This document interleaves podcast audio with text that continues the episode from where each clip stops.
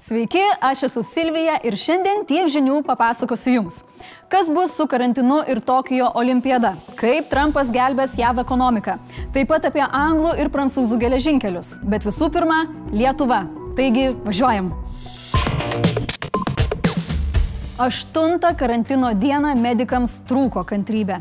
Jie reikalauja nušalinti verygą nuo ekstremalios situacijos operacijų vadovo pareigų. Priežastis patirties ir kompetencijų trūkumas. Kritikos nepagailėjo ir prezidentas. Ponas Veryga kaip medikas pirmosiomis e, koronaviruso proveržio ir reakcijos savaitėmis elgėsi ir adekvačiai, ir pakankamai kompetitingai. Deja, ne visos kompetencijos buvo vienodo lygio ir šiandien e, turime tai, tai, ką turime. Bet kol kas sprendimo keisti verygą nepalaiko. Sako, arkliai vidury upės nekeičiami. Tai kas lieka? Skesim kartu su arkliais. Nausėda ketina prašyti Pietų Korejos specialistų konsultacijų, kaip valdyti krizę. Tuo tarpu Lietuva planuoja karantiną pratesti ir griežtinti. Premjeras Saulis Kvernelis teigia, kad dalis žmonių karantiną laiko netikėtomis smagomis atostogomis. Dėl to žadama už jo nesilaikymą bausti. Taip pat įvesti privalomą karantiną grįžusiems iš užsienio. Dabar savanoriškai izoliavęsi yra apie 20 žmonių, o apie karantino pažeidimus vien per sekmadienį policijai pranešta 200 kartų. Aurelijus Veryga žada riboti žmonių srautus prekybos centruose. Opozicija sako, kad antikrizinę veiklą turėtų koordinuoti krašto apsaugos ministras. Raimundas Karoblis atsako, kad kariuomenė ir toliau padės įvairiose situacijose. Tačiau valdyti krizę, pasak jo, turi vyriausybė. Viskas primena situaciją, kad kažko paprašydavo į tėčio, bet jis nusiųsdavo pas mamą, o mama siūsdavo atgal pas tėtį. Būtų juokinga, jei tema ir toliau būtų apie saldainius ir guminukus, o ne apie žmonių gyvybės. Kol JAV ekonomika skęsta kaip Titanikas, senatoriai nesutarė dėl gelbėjimo ratų. Ekonomikos gyvinimo planas nesulaukęs demokratų paramos buvo atmestas.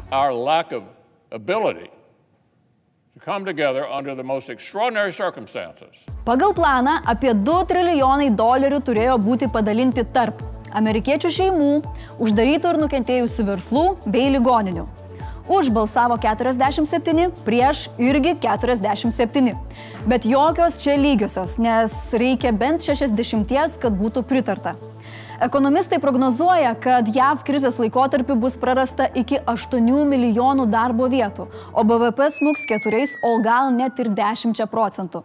Darbo departamento duomenimis vien tik praėjusią savaitę bedarbių pašalpos paprašė apie 2 milijonai žmonių. Ir tai gali būti naujas rekordas. Deja, ne tas, kurio galima būtų didžiuotis. Bet yra gera žinia, jeigu viruso plitimas sustos, ekonomika turėtų atsigauti greitai. Tik neaišku, kokie viruso planai vasarai.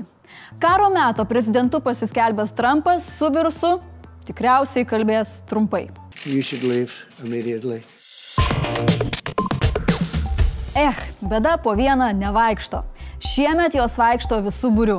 Vos tik mes susitaikėm su Eurovizijos atšaukimu, Japonija pranešė, kad tikriausiai teks atidėti olimpinės žaidynės. Slėpk plavkės rapšy. Liekam namie. Bet yra dar vilties Japonų širdise ir paroko olimpinėje ugnyje. Ji jau atskraidinta į Japoniją. Deglo nešimo estafetė planuojama šį ketvirtadienį.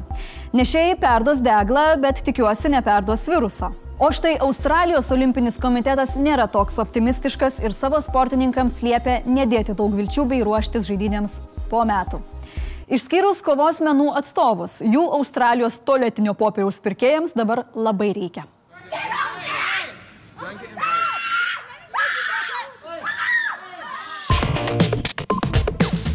traukiniu atridėjusias naujienas. Junktinės karalystės vyriausybė šiandien paskelbė, jog mažiausiai pusmečiui perima geležinkelius valstybės žinion. Sprendimas priimtas siekiant apsaugoti įmonės nuo galimo bankroto. Britai raginami likti namuose. O dėl to žymiai sumažėjo kelionių kiekis.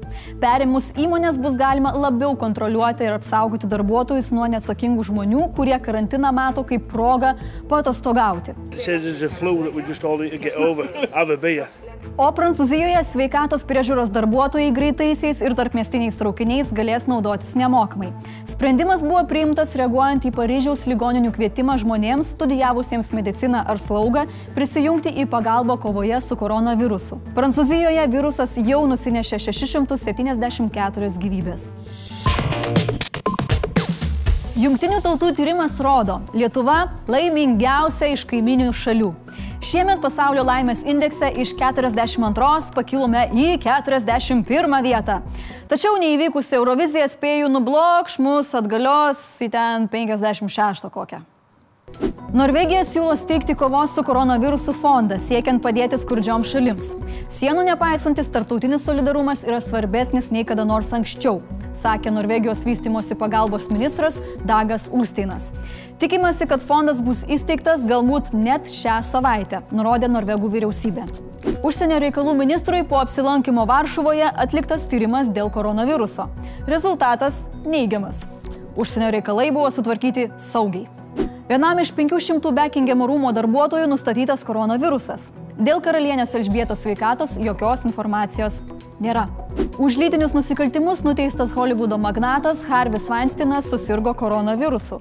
Na ką, dar viena priežastis laikytis nuo jo saugaus atstumo. Tikiuosi, sąmoningai renkatės likti namuose ir užsimantėt savo hobiais.